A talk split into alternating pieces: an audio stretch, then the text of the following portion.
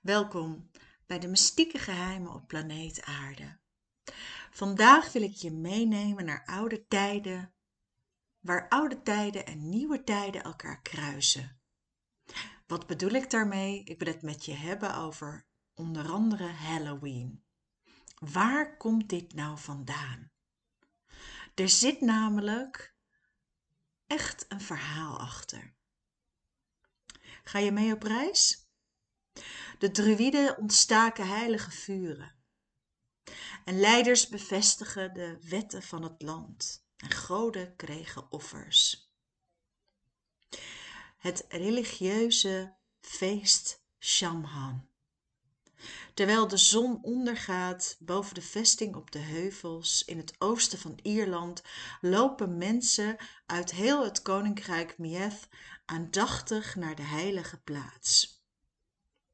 Boven op de heuvel benutten oude bejaarde mannen in lange mantels en met lauwerkransen op het hoofd de laatste zon om graanschoven en geslachte dieren op grote brandstapels te leggen. De eerste priesters, druïden en anderen hebben het druk, want er is maar één nacht en de goden zijn hongerig. Shamhan, letterlijk de dood van de zomer vindt plaats in de nacht van 31 oktober op 1 november. Wanneer alles vervaagt, wanneer de werelden van de goden en de mensen helemaal vervaagt, de grens daartussen. Bij het schemerdonker steken de druïden fakkels aan en al snel laaien de shamhan-vuren op en er stijgen grote zwarte rookpluimen op naar de hemel. En de goden hebben hun offers gekregen. De galliërs spreken ook veel over de hemellichamen en hun bewegingen het heelal en de grootte van de aarde en de macht van de onsterfelijke goden. Zij al waren hiermee bezig en dit is 51 voor Christus, een uitspraak van Julius Caesar. Goed, laten we eens kijken naar dat Shamhaan. Wat is dat precies? Ik ga jullie nog veel erover vertellen. Mogelijk gaat het woord of de verklaring terug op Samani. Dat is een oud Keltisch woord voor vergadering. Een tweede verklaring is dat Samhan een samensmelting zou zijn van Sam, zomer, en Fuen, einde. En dus letterlijk het einde van de zomer, zoals ik net al benoemde. Er zijn nog een aantal andere verbanden die gesuggereerd worden. Denk ook aan het Latijnse woord semen, wat zaad betekent. Maar ook saumon, dat is het Franse woord voor zalm. De levenscyclus van de zalm stond bij de Kelten bijvoorbeeld symbool voor de hele cyclus van het leven tot aan de dood. Zoals ik net al zei, in die, die Galileïsche uh, kalender, waarin ik net Julius Caesar citeerde, werd gevonden bij Colony en vermoedelijk uit de eerste eeuw na Christus. Het feest Samanos. De maand november zelf is in het Iers en het Schotse Gallische ook Samhain dus gaan heten. Zoals bekend. Voor de Kelten is dit ook het begin van het nieuwe jaar. Het feest houdt verband met de seizoenswisseling en de cyclus van het leven. Tijdens deze, periode werd de aarde geacht zich voor te bereiden op een nieuw begin. Daarom was het een uitstekend moment en een gelegenheid om in het eigen leven terug te blikken op het verleden, om oude dingen los te laten en voorbereidingen te treffen voor de toekomst. Een van de bijbehorende rituelen was het doven van alle vuren in de huizen. Alleen met een speciaal heilig vuur mochten de haarden dan weer worden aangestoken. De Kelten zagen overal de transformatie en geloofden ook in reïncarnatie. De donkere mythische schoot waaruit alle leven ontstond en weer naar terugkeert, werd voorgesteld als een eeuwige ketel. De ketel van dood en wedergeboorte. Shamhan is een tegenhanger van Beltane. En dat is ook een feest van verering. De Samhan is van de paganisten. Zij geloven dat de sluier tussen de wereld van de levenden en de wereld van de doden dan het dunst is. En op deze dag wordt door velen een maaltijd georganiseerd en worden extra borden bijgeplaatst voor de overledene met diens favoriete maaltijd. Voor de ramen worden kaarsen geplaatst zodat de dierbaren de weg naar huis kunnen vinden. En het wordt beschouwd als het moment waarop Lu, de zonnegod, aan wie Lu Ranashta geofferd werd, aankomt in het dodenrijk. De gewoonte bestond om met Shamhan dieren die te zwak waren om de winter door te komen, te offeren. Volgens bronnen brachten druïden zelfs mensenoffers, maar dat werd niet bevestigd. Volgens allerlei mythes vervaagde met Shamhan ook de grens met het elfenrijk. Daarom werd er eten voor de deur gezet voor de elfen en alle andere natuurgeesten. Hierdoor hoopte men dat ze als dank hun plagerijen achterwege zouden laten bijvoorbeeld het verzuren van melk of mensen de stuipen op het lijf jagen. De portalen, de grafheuvels, de elfenheuvels, de sprookjesheuvels, de domein en de toverterpen worden in het Iers Sithe genoemd. En ze waren ooit vereerd als zeer belangrijke verblijfplaatsen voor één god of, of godinnen. Veel belangrijke gebeurtenissen uit de Ierse mythologie voltrekken zich ook op Samhain. Als de grenzen tussen de werelden dus wegvalt en de Sithe, dus de sprookjesheuvels waar de mensen uit andere werelden leven, open zijn.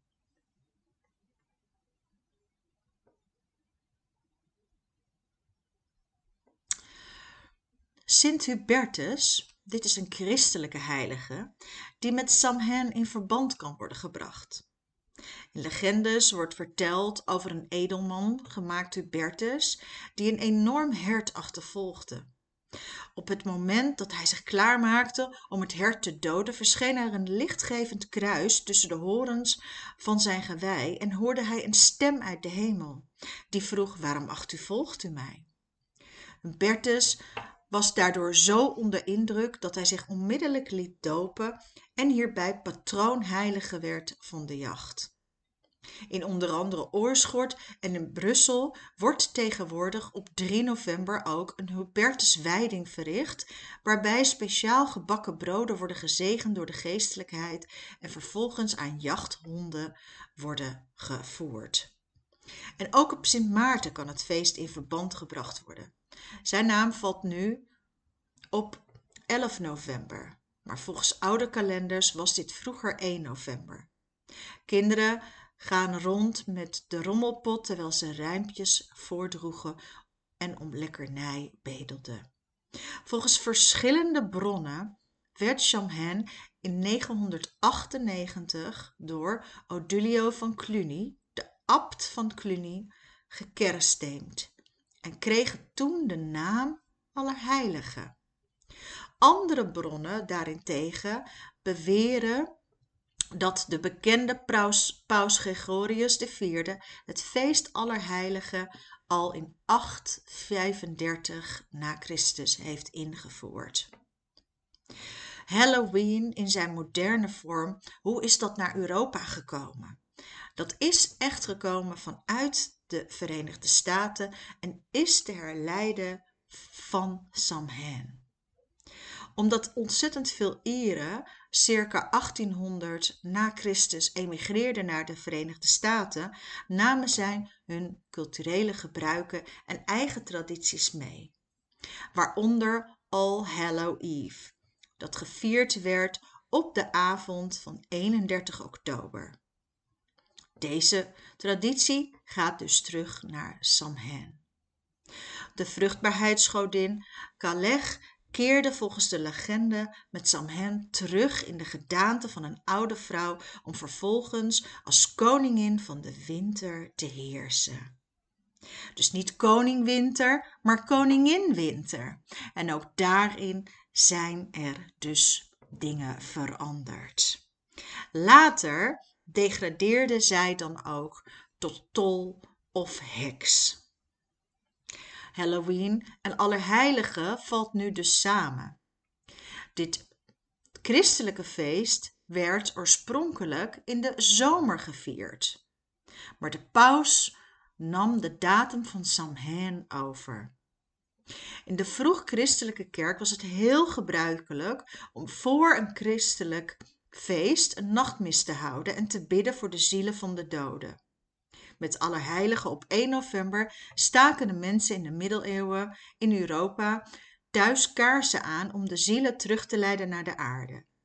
Armen gingen van deur tot deur en beden, bieden aan om voor de overledene te bidden in ruil voor een zielenkoekje. Dit wordt gezien als de originele oorsprong van de Halloween-traditie Trick and Tree, waarbij kinderen nu dus langs de deuren gaan voor snoep. Ook de uitgesneden pompoenen kunnen herleid worden tot de uit koolraap gesneden lampionnen die de armen meedroegen. Maar ondanks de vele christelijke aspecten zijn de sterke aanwijzingen dat Halloween zijn oorsprong vindt in het Samhain. Hoe dan ook is dat duidelijk. Toen paus Bonifatius IV in 609 Allerheiligen instelde, viel de feestdag dus op 13 mei. Pas in 1835, zoals ik al eerder noemde, verplaatste paus Gregorius de dag naar 1 november. Hij deed dit waarschijnlijk om de zomerpelgrims in Rome, omdat ze dan afkomen, daarop afkomen en ook om de heilige avond van de Kelten weer te overschaduwen. Zoals ik al eerder zei, tijdens het echte feest vanuit de Galileïsche traditie. Krijgers en druïden, die spelen altijd een hoofdrol. Boeren hadden geen vaste plaats en zij waren ook niet overal. Maar er was dagenlang eten en drinken en de meest fantastische verhalen werden verteld. In tegenstelling tot de vreugde in de feestzalen was het buiten altijd gevaarlijk tijdens Samhain, omdat er dus demonische krachten op de loer zouden liggen. De Ulstercyclus vertelt dat het slecht kon aflopen in het donker. Wie in de nacht van Samhain niet op Amen Macha, de feestlocatie is, kon zijn verstand verloren. En om de hogere machten gunstig te stemmen offerden de Kelten met Samhain graan en dieren en met name weer aan die Keltische oppergod Lug. Dit gebeurde met de vuren die de druïden op speciale heuvels aanstaken. Ierse mythen vertellen ook over de tiran Conant, die eiste dat de clan van Nemeth voor elke Samhan een derde van zijn tarwe en melk afstond. Uit de Ulstercyclus zijn voorbeelden van paardenoffers bekend en bij de Kelten in Galilee werden witte sturen als zeer populaire offerdieren gezien. Maar in de meeste Keltische gebieden waren het toch echt de varkens en de everzwijnen die werden geofferd. Samhain kon ook worden gevierd door godenbeelden te eren. Zo stonden ze op de heuvel van Machtslecht in Ierland in het voorchristelijke tijd. Daar stond ook weer een beeld van Krom Kruach. Een naamloze christelijke schrijver uit de middeleeuwen waarschuwde in de bindel Tentiscas hoe afgoderij kon ontaarden. Je moet je voorstellen een wereld voordat de katholieke kerk zoveel ging bepalen. Zo kwam het ook dat bijvoorbeeld prins Tigernasmas met de mannen en vrouwen van Ierland naar Samhain kwam om het beeld te aanbidden. En zij wierpen zich ervoor op de grond. En daarbij verwonden zij hun voorhoofd, neus, knieën en ellebogen. Zo erg dat soms mensen daarbij stierven. Ik zei helemaal aan het begin dat er ook allerlei wetten waren. Dus na alle religieuze ceremonieën belegden de druïden een vergadering. Hier werden wetten aangenomen die tot de volgende Samhain in het Rijk zouden gelden. De schrijvers van de koning noteerden alle wetten op kalfshuid. En als de druïden het niet met elkaar eens waren, moesten ze een compromis sluiten. Geweld was verboden tijdens Samhain. En de koning liet onder de stokers echt ombrengen zelfs.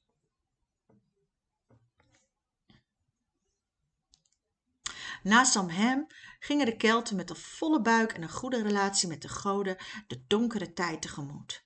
Na de komst van het christendom versmolt dus het Samhain met het katholieke Allerheilige. Het Keltische erfgoed leeft echter nog steeds voort in onder andere Brittannië, waar men gelooft dat de doden op 1 november zullen opstaan om te eten en zich op te warmen. Ook in Ierland bleef het tot in de 19e eeuw een vorm van Samhain bestaan, waarna duizenden immigranten de traditie, zoals benoemd, meenamen naar de VS. En nu wordt tegenwoordig overal dus Halloween gevierd. Het is heel populair in de Verenigde Staten, in het Verenigd Koninkrijk, in Canada, maar ook in Europa, Latijns-Amerika, Australië en Oost-Azië. Op 31 oktober gaan kinderen overal door de buurt met pompoenen en lichtjes en roepen ze trick or treat. Vaak helemaal leuk en verkleed. Tot slot in de Keltische kalender begon op 1 november het nieuwe jaar. Dus 31 oktober was oudjaarsavond. De oost was binnen, het saaigoed voor het volgende jaar lag klaar en het was tijd voor een nieuwe dag. Het Keltische nieuwjaar, of dus Samhain of San genoemd, is iets wat we niet mogen vergeten.